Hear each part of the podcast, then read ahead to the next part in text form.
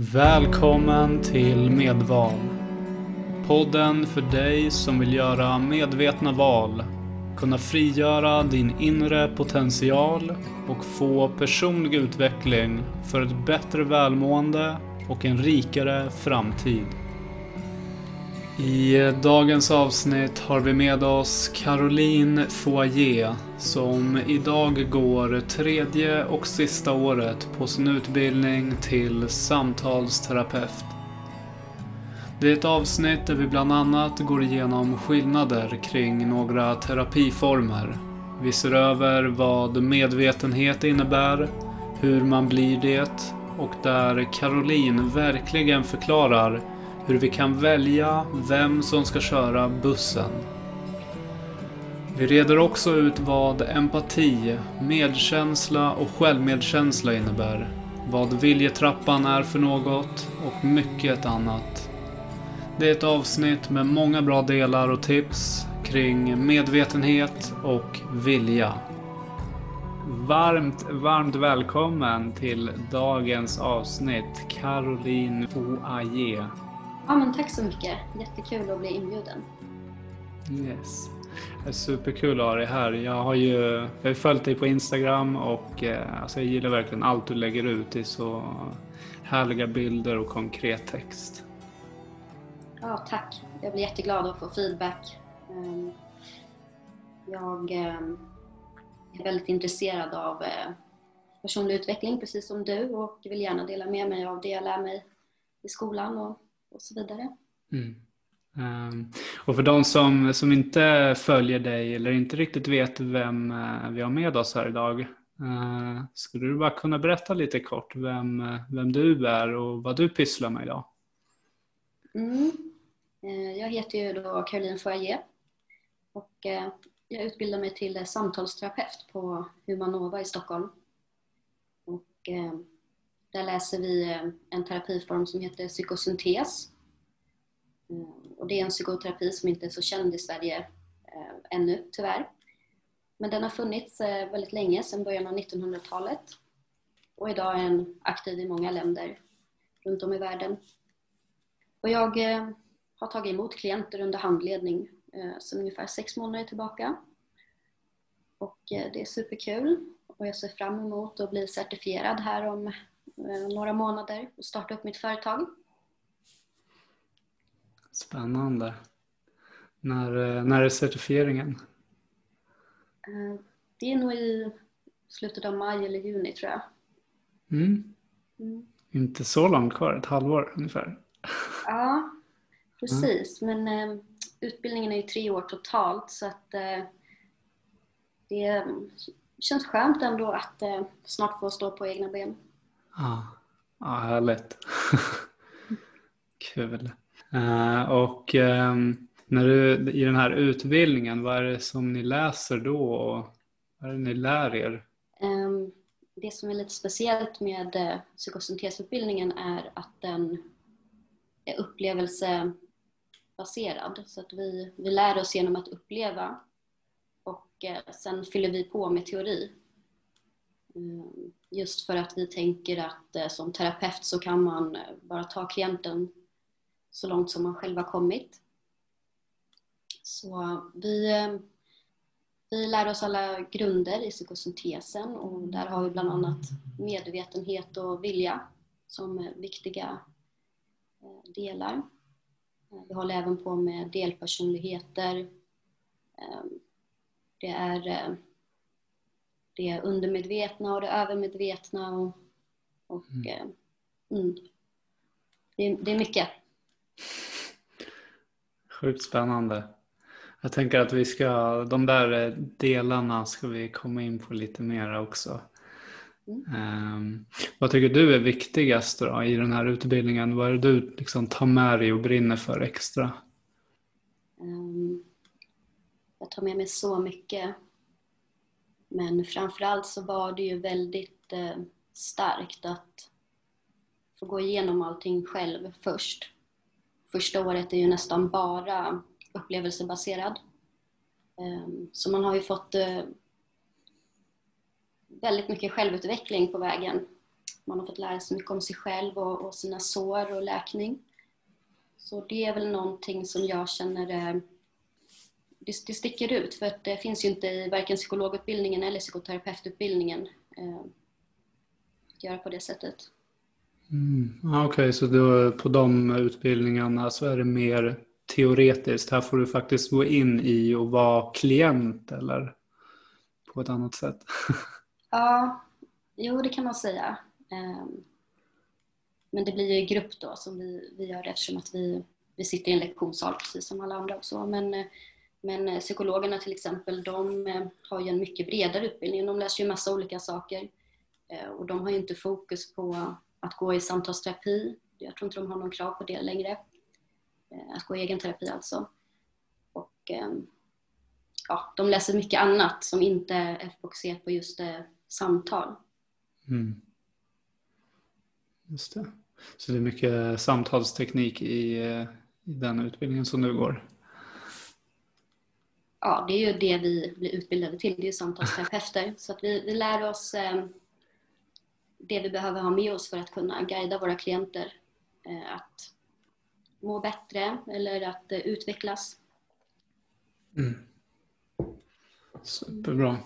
Jag tänker att det finns ju, alltså det finns ju så otroligt många olika terapiformer nu. Eh, det finns någonting som jag tycker hette ju, eller verkar hett är ACT.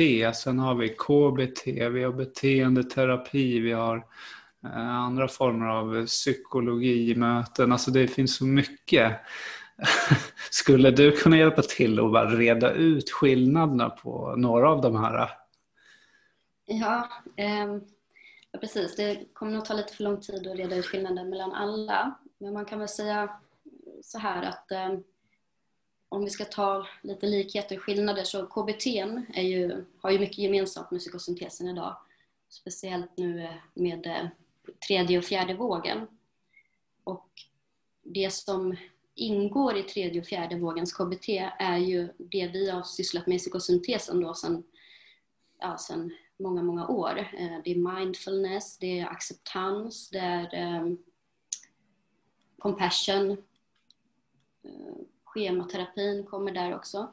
Och anledningen till att de handlar und, hamnar under KBT är för att de har um, kunnat uh, bevisa att det, det, fungerar, de här metoderna, genom evidens. Och, mm. um, ja, så vi, vi har mycket gemensamt idag även om vi har olika grund. Och, vad kan man säga mer? Psykologerna, de eh, kan ju välja mellan KBT eller psykoanalys. Eh, eller inte psykoanalys, det är ju den, den äldre formen av eh, det de läser. De läser psykodynamisk terapi eller KBT. Så att det finns väldigt många olika delar här man kan prata om. Om du har någon specifik du undrar över. Mm, jag tänker på den som du verkar mest intresserad av också, eh, såklart. Eh, psykosyntes då. Mm. Mm. Eh, jag kan säga också en annan stor skillnad från till exempel KBT är ju att eh, psykosyntesen, vi utgår ju inte från varken några diagnoser eller manualer utan eh, vi försöker anpassa oss ut efter eh, varje individ, vad den behöver. Mm. Ehm, och det är därför jag brinner för just den här formen också. Den känns genuin. Mm. Det är ehm, ja, stort fokus på empati och närvaro. Mm. Och att eh, alla ska kunna bli en bättre version av sig själva. Och vi fokuserar också på det friska i människor istället för det sjuka. Att eh, vi vill inte ta bort något, även de känslorna som kan kännas otrevliga som man inte vill ha. De försöker vi istället integrera. Mm. Se hur vi kan använda oss av dem. Mm. Är, det, är det vanligt liksom att man, om, om du får en klient och så har den någon känsla den vill bearbeta eller någon förändring. Eh, går ni då in på att göra någon mindfulnessövning eller är det ett samtal eller hur, hur går det till där liksom i live? Mm. Och det, är en, det är en jättebra fråga för att en annan sak som skiljer, skiljer psykosyntesen ganska mycket åt är att vi har många olika metoder som vi arbetar med. Um, förutom en dialog då, som är det vanligaste i de andra terapiformerna. Vi, um, vi arbetar med, eh, som du sa, meditation, mindfulness. Ehm, vi kan eh, ta fram penna och papper så klienten får rita. Vi kan jobba med lera, vi kan eh, ha gestaltövningar. Ehm, schematerapin läser vi också. Vi läser delar av ACT, vi läser delar av KBT. Så att vi plockar in det som vi tänker passar bäst för klienten. Men det börjar ju alltid med att man frågar klienten varför de är där, vad syftet är. Och sen eh, får man eh, ta den metoden som passar bäst. Mm. Det är svårt att komma undan barndomen som en del kommer in och säger att ah, det, har jag redan, det har jag redan bearbetat. Men eh, mm. vi tror inte att man kan bli klar med det. Det är ett arbete man kan hålla på med hela livet och utvecklas och se, se utifrån ny medvetenhet. Mm. Ja, det där är ju ett ämne som jag också tycker är superintressant. Just det här med medvetandet är ju, alltså det är någonting som jag själv verkligen brinner för och tycker är så otroligt viktigt att vara medveten. Ehm, och det finns ju, vad jag har förstått, lite olika lager i det medvetna. Att det finns ett undermedvetet Eh, och övermedvetna det finns lite olika lager där. Eh, skulle du kunna beskriva de här medvetenheten? Mm. Ja, jag vet inte om jag ser det som lager, men eh, om du skulle rita upp det på ett papper så skulle det väl bli någon form av äggformad. Och eh, i ägget då så skulle vi lägga Ehm, det undermedvetna Och eh, längst upp i ägget, det övermedvetna. Och i mitten, i mitten, mitten, där finns medvetenheten och viljan, det som vi i psykosyntesen kallar för jaget. Och eh, runt om mitten, mitten så finns det förmedvetna, där vi eh, har all information som vi lätt kan ta fram när som helst, till exempel en portkod eller ja, sånt som vi har med oss hela tiden. Det, mm. det är lättåtkomligt. Mm. Men det vi gör då när vi försöker få fram information från det undermedvetna är ju att ta upp det till det mellersta medvetna där vi kan eh, ja, bli medvetna om det igen så att säga. Mm. I eh, det undermedvetna, vad, vad är det som finns där då? Ehm, där har vi våra minnen som vi inte har direkt tillgång till. Mm. Ehm, det är eh, våra drifter Eh, alla våra sår, det vi har varit med om i livet. Mm. Våra strategier kan ju ligga där också då eftersom att vi oftast inte är medvetna om dem. Mm. Alltså våra strategier för att försvara oss då eller? Mm. Ja precis. De här såren som skapas när vi är barn eh, mm. gör ju att vi skapar olika strategier för att eh, klara av att leva med dem. Mm. Just det. Ja, det är väl rätt vanligt att man eh, kanske försöker trycka undan det undermedvetna, att man försöker liksom glömma det, det vill man helst inte ha med. ja, det är en strategi. Att, eh, att försöka vara, undvika det som vill komma fram eller på olika sätt trycka undan det. Det kan man göra med yttre mm. stimuli. Man kan ju ta droger eller så kan man eh, lägga på en annan känsla över den känslan. Eh, mm. Ja, det finns mycket att utforska där. Mm. Och det här övermedvetna då? Det känns ju som att det, det är där man vill vara, eller? ja, där vill man ju vara, men inte hela tiden tänker jag. Det är också någonting som sticker ut då med psykosyntesen eh, som gjorde att eh, Assad Joli som skapade eh, psykosyntesen, han var ju lärjunge till Freud. Eh, men han tyckte att Freud saknade det övermedvetna, det vill säga eh, potentialen, eh, själen, alla våra kvaliteter som kärlek och mod och ja, allting som man skulle kunna få till sig. Mm. Varför, hur kommer det sig att han inte hade med sig det då? Är det, något, alltså är det lätt att man inte får med det? Och vad är det man får om man inte har det med sig? Eh, du tänker på varför Freud gjorde så? Ja, exakt. Har du ja, fått svar på det? Nej, jag får inte svara för Freud, men han mm. var ju väldigt... Eh, hans teorier handlade ju väldigt mycket om att eh, man eh, blev styrd av sina drifter och så vidare. Och eh, Assagioli tycker ju att, eh, precis som vi som läser det här, vi, vi tänker mer att eh, om vi kan bli medveten om det som styr oss, då kan vi styra istället. Ah, Okej. Okay. Mm. Mm. Uh, då, då känns det för mig som att då är alltså då ska man kolla mycket på det undermedvetna, att liksom förstå sig själv. Vad har jag för eh, strategier? Vad är det jag använder? Uh, om man förstår dem, då kan man ta med sig upp till det övermedvetna med kreativitet eller liknande. Så jag tänker att de hänger ihop. Det är därför jag mm. sa att jag inte ser det som lager. För att det, det är en, det är en bild vi får i huvudet om den här cirkeln som jag pratade om, det här ägget. Mm. Men eh, egentligen så är det ju en form som inte har något upp och ner. Mm. Eh, och det har ju ingen, ingen sidor heller utan det är ju att eh, man kanske tar in kreativitet för att komma åt någonting i det undermedvetna som man kan få upp i, i det liksom, i nuet så att man har det i tanken just nu. Mm. Eh, så man kan ju blanda det övermedvetna med det undermedvetna för att komma åt någonting. Och sen så expanderar ju det här, den här cirkeln eh, åt alla håll.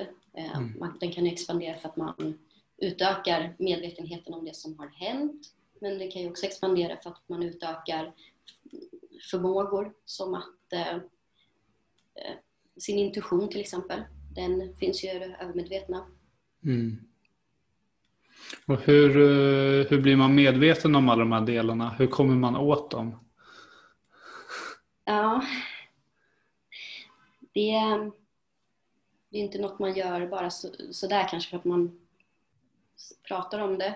Men eh, jag tänker att eh, jag tänker att för att utveckla sin medvetenhet så handlar det ju om att kunna kliva ur det man är medveten om. Att man kan avidentifiera sig från från tankarna och känslorna. Det vill säga att om man eh, känner sig ledsen, att man kan se att man har en känsla av ledsamhet eh, snarare än att man är ledsen. Och då kan man ju titta på den informationen Ehm, och välja vad man vill göra med den. Eh, man kan observera alla, alla delar. Hur känns det i kroppen? Eh, vilka känslor har man just nu? Vilka tankar? ja, att, eh, att vara medveten är ju att eh, observera det som händer. Mm. Och det är ju någonting som jag tänker många säkert ha svårt för i och med att man, vi lever liksom i en stressad miljö ofta och man har mycket tankar och känslor som snurrar omkring och flyger omkring och krockar med varandra. Eh, hur kommer man ner, har du några bra tips på liksom hur man kommer ner till att just kunna observera sina tankar snarare än att liksom vara tanken eller vara den här känslan? Det finns ju massa olika metoder man kan använda för att bli medveten. En bra metafor som jag gillar är att eh, se sig själv som en buss. Mm. Eh, och att eh, alla delar av en själv sitter i den här bussen. Det kan ju vara till exempel din introverta sida, din kritiska sida, den lata, den modiga, mm. den sårbara och målmedvetna och ja, alla, som, alla delar av dig själv sitter där i bussen. Mm. Eh, sen så börjar den här bussen åka och eh, den kanske ska någon specifik, till något specifikt ställe. Eller så kanske den blir stoppad av omständigheter. Men medvetenheten handlar ju om att se vem det är som kör bussen Mm. Vem av alla de här delarna som sitter och kör? Och är det rätt del? Ehm, mm. För det är då man med hjälp av sin vilja kan styra att eh, ja, men vem ska köra om du ska till jobbmötet? Eh, vem ska köra om du är på väg till en fika med vännerna? Eller om du har en konflikt med din partner? Mm. Ehm, då blir det väldigt tydligt tycker jag. Väldigt tydligt. Superbra beskrivet bussen. Uh, jag tänk, min första tanke var att jag vill ju ha en, eh, en glad chaufför, en lycklig. Jag vill alltid liksom, ja, men jag vill vara nyfiken. Ja, men om, om den glada alltid kör så kan det bli lite jobbigt när det är en sorglig situation. Ja, det kan ju vara lite jobbigt kanske. Mm. Eller en konflikt. Mm. Mm. ja, då kan ju konflikten bli värre om jag står där och är lycklig. Ah, roligt att du är arg. ja, precis. Mm. Ja, men superbra. Och sen har vi ju eh, inom terapi så läser man också en hel del om eh, empati, medkänsla och eh, självmedkänsla. Eh, skulle du kunna beskriva skillnaden mellan de här delarna? Vad, vad är empati för någonting? Mm. Ehm, empati är ju att förstå vad andra tänker och känner. Ehm, och medkänsla är också att förstå vad andra tänker och känner. Men det är plus en genuin vilja att hjälpa till om man kan. Mm. Så det, medkänsla är steget längre än empati kan man säga. Mm. Och eh, sen har vi självmedkänslan då som är medkänsla för sig själv. Att bli berörd av sitt eget lidande och, och vilja hjälpa sig själv. Mm. Det är också de, alltså finns det någon steg där att man först har man empati och sen får man medkänsla och sen får man självmedkänsla eller kan det också vara lite olika? Ja, alltså det, det blir svårt att känna medkänsla om du inte har någon empati. Mm. Eftersom att de, ja det är ju samma sak bara att medkänsla eh, också är den här känslan av att vilja hjälpa. Mm. Och självmedkänsla man kan ju ha medkänsla för andra och sakna självmedkänsla. Mm. Och det är en jätteviktig bit, tycker jag, som fler behöver eh, verkligen ta till sig. Att eh, ta hand om sig själva. Mm. Jag håller helt med Det är en väldigt viktig del. Eh, och det, nu är vi lite annorlunda tider där många jobbar hemifrån också. Det kommer olika förändringar som påverkar livet. Eh, och det, det, är inte alltid lätt att ta hand om sig själv. Eh, man kanske har väldigt mycket på jobbet eller man kanske har någon relation som är jobbig och så glömmer man bort att ta hand om sig själv.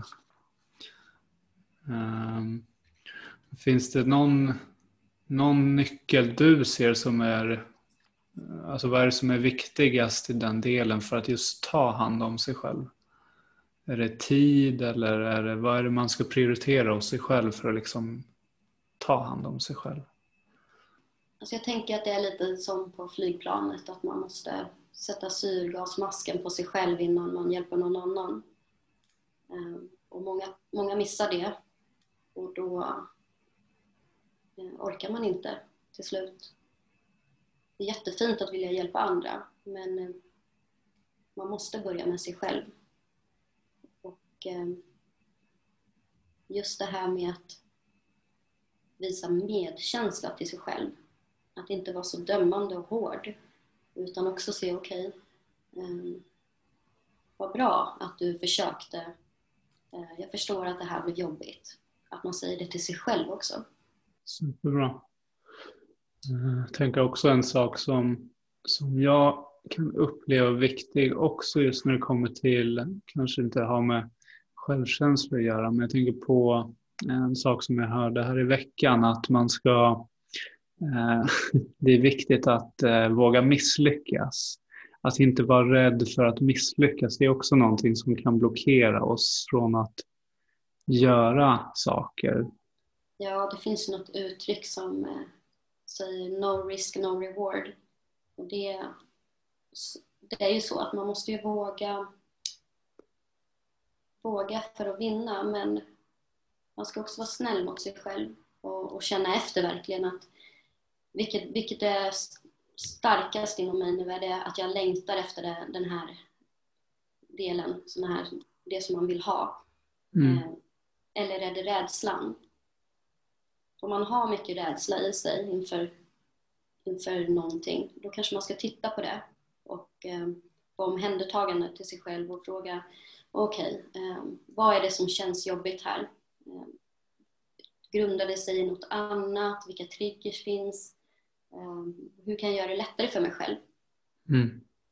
Så att man inte bara slänger sig ut och, och sen är man inte redo för det. Mm. Superbra.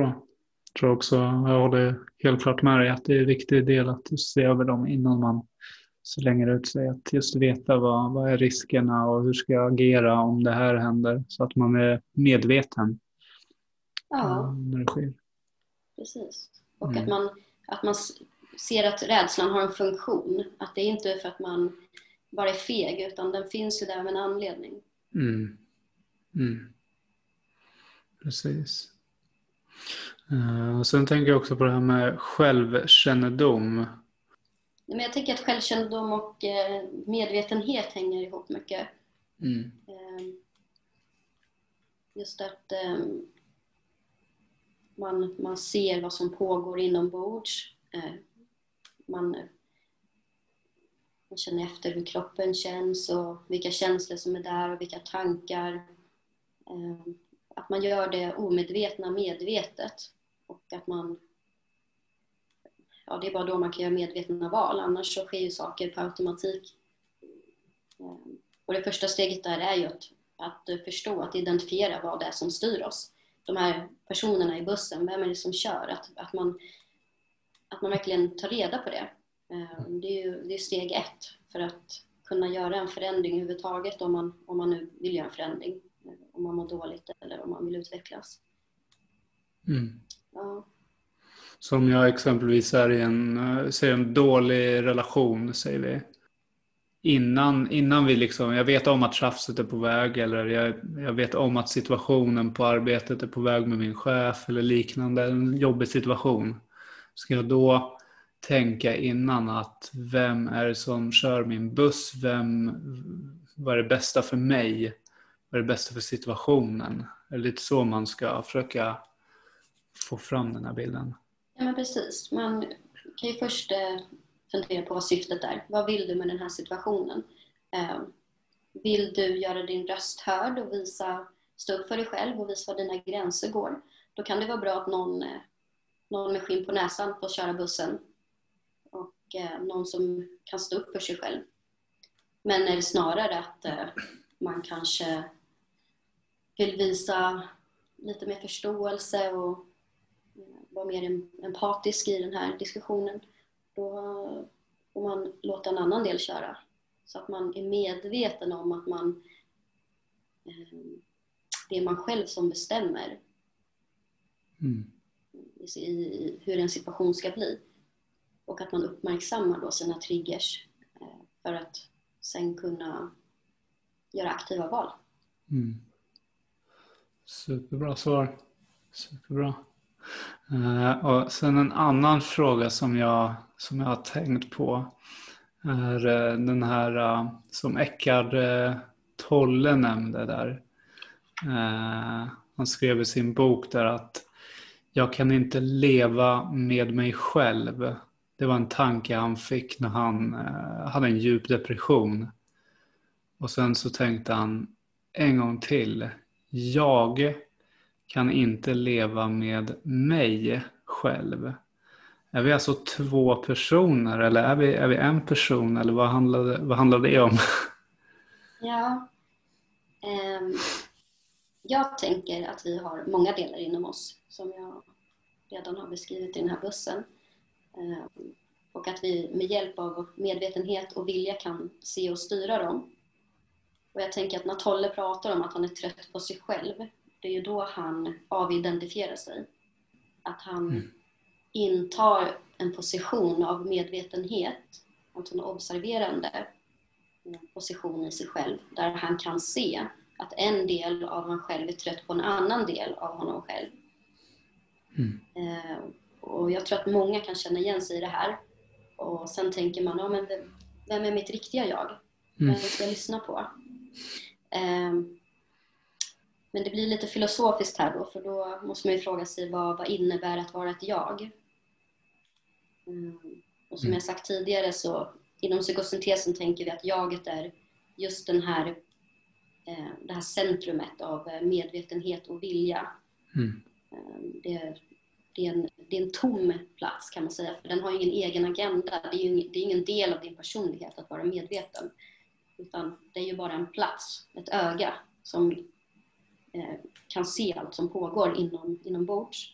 Mm. Ehm, så jag tänker utifrån det så kan vi inte vara vårt jag utan vi kan bara vara i kontakt med det. Mm. Mm. Så jag tänker det är nästan som en strålkastare att eh, medvetenheten är liksom strålkastaren som väljer vad, vad, vad som ska vara upplyst. Mm. Ehm, eh, jag tänker att vi är en helhet. Ja. En helhet av många olika känslor, personligheter, tankar. Mm. Mm. Allt, allt som du består av är din helhet. Ja. Superbra svar.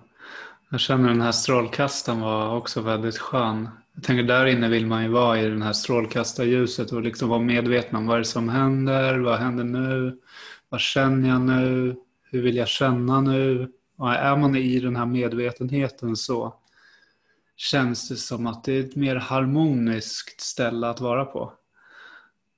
Ja, exakt. Eftersom att medvetenheten inte har en egen agenda. Den medvetenheten tycker ju ingenting om vad, Mm. vad den tittar på. Utan Mm. det är ju bara att vara medveten. Men det är där eh, viljan kommer in.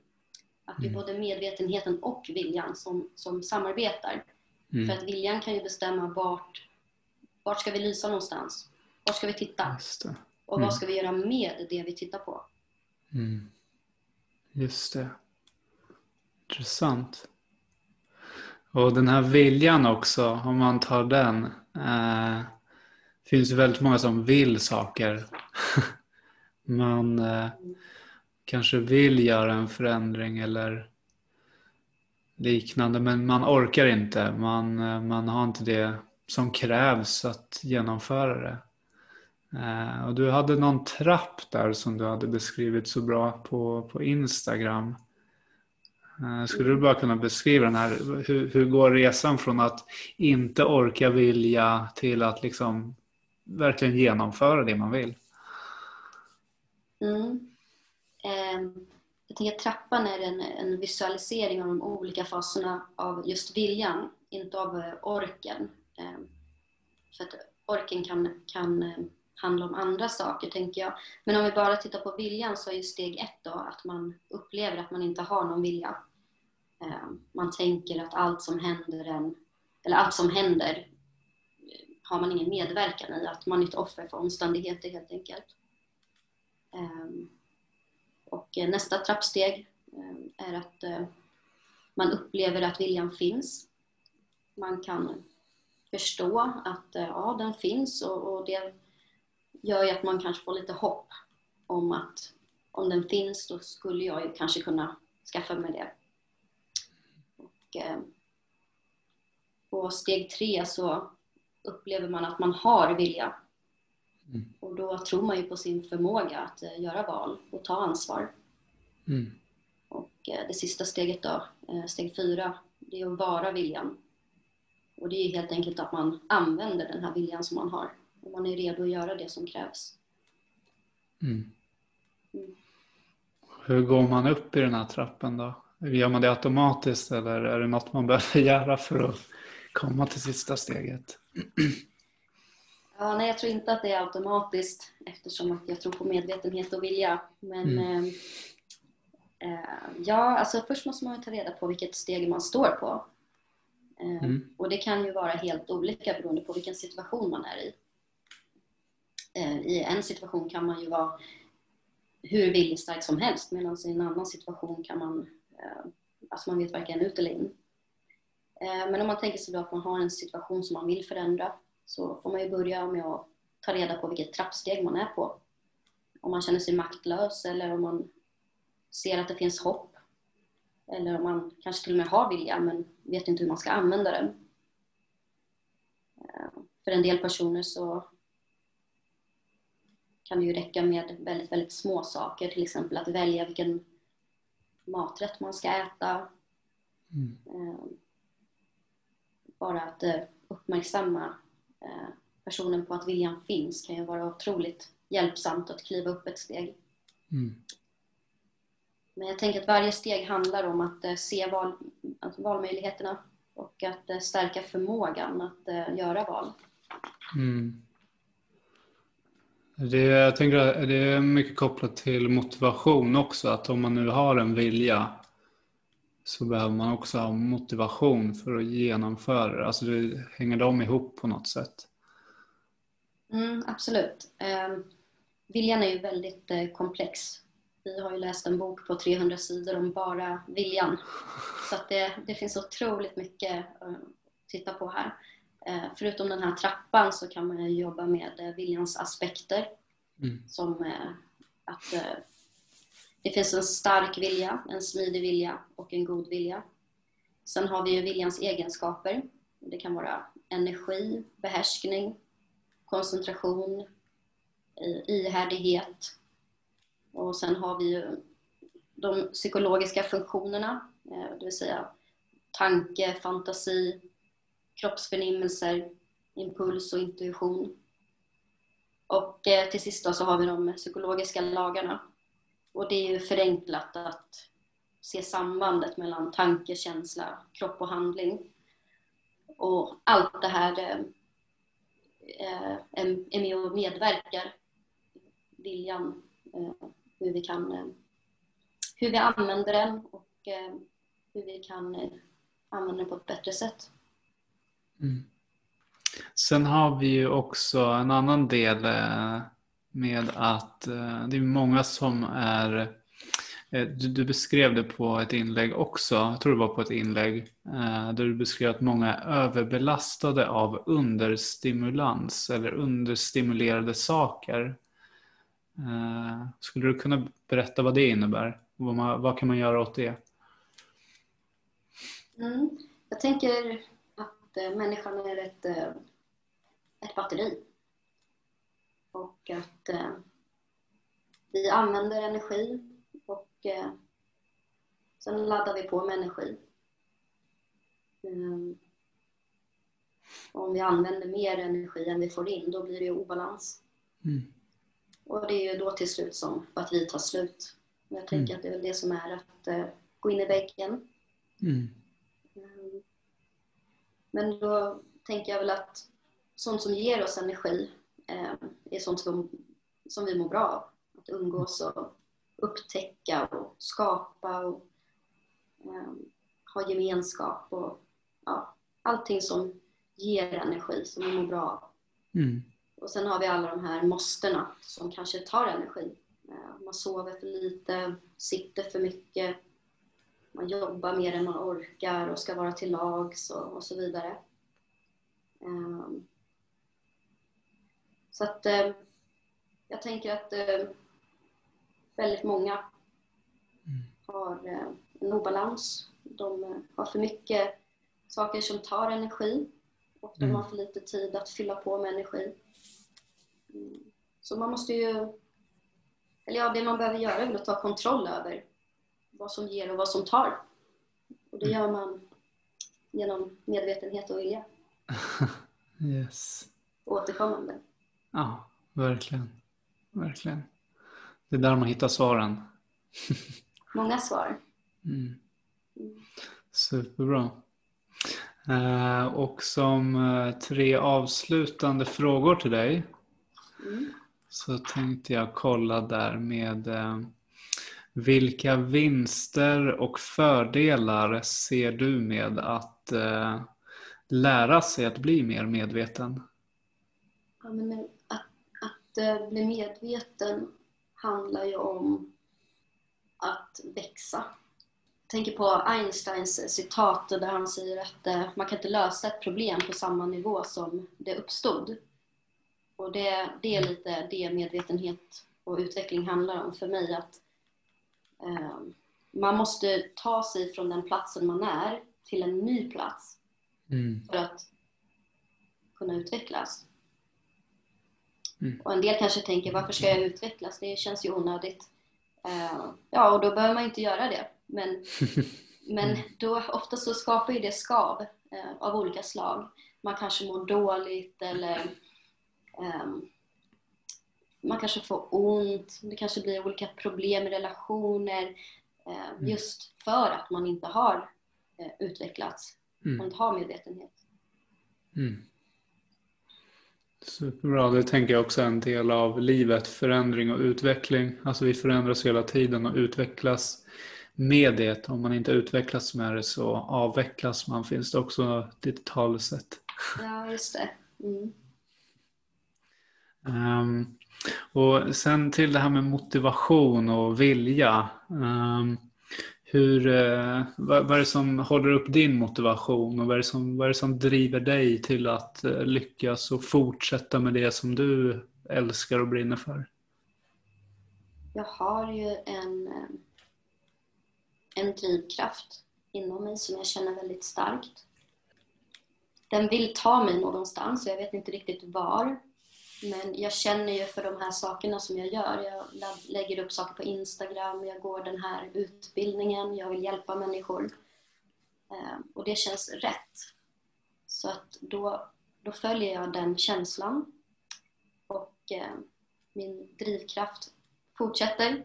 Så då mm. vet jag att jag är på rätt väg. Mm. Mm.